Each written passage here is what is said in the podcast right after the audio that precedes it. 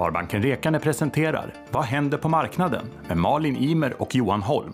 Hösten går och så även vardagen. Nu är vi ju en bra bit in i vardagsmoset och så även hösten. Det har ju varit en hel del svängningar på börsen under de här höstmånaderna. Mm. Vad, vad beror det på Johan?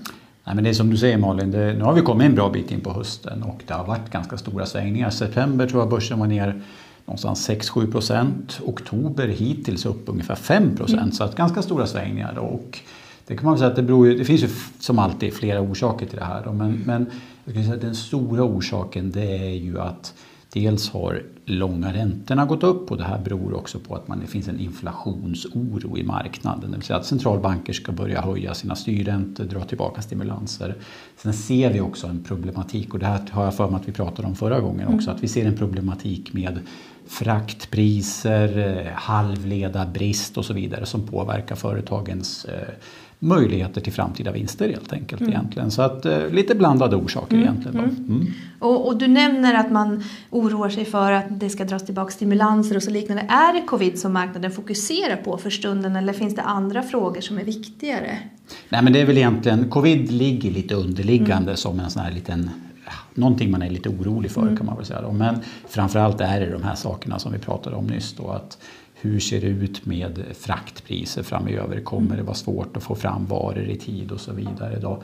Hur påverkar det företagens eh, lönsamhet framöver? Vad kommer centralbankerna att göra? Mm. Och det här är nog det som är liksom närmast ytan just nu skulle mm. jag vilja säga i marknaden. Att det är det man är lite, lite fundersam på. Mm. Mm.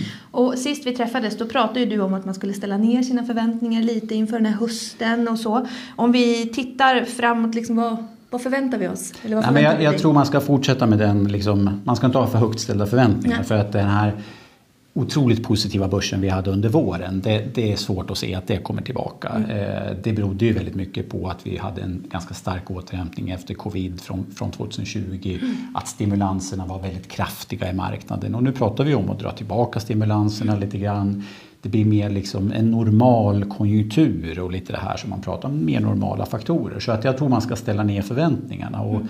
Det här är ju också en, som vi sa då, september ganska negativ marknad, oktober en ganska positiv marknad. Det är väldigt svårt att tajma marknaden. Så att där är vi tillbaka lite grann som vi, jag vet att vi har pratat om tidigare också. Att hur tajmar marknaden? Ja, månadsspar är ju en väldigt bra taktik då. Att istället för att försöka hitta absolut lägsta punkten när man ska köpa så köper man regelbundet. Mm. Till, till, exempel en gång i månaden. Mm. Och kanske lite is i magen vid nedgång. Precis. Ja. precis. Mm. Du, stort tack Johan. Tack Malin. Tack. Vad händer på marknaden presenteras av Sparbanken Rekarne, en lokal bank i Eskilstuna och Strängnäs kommuner.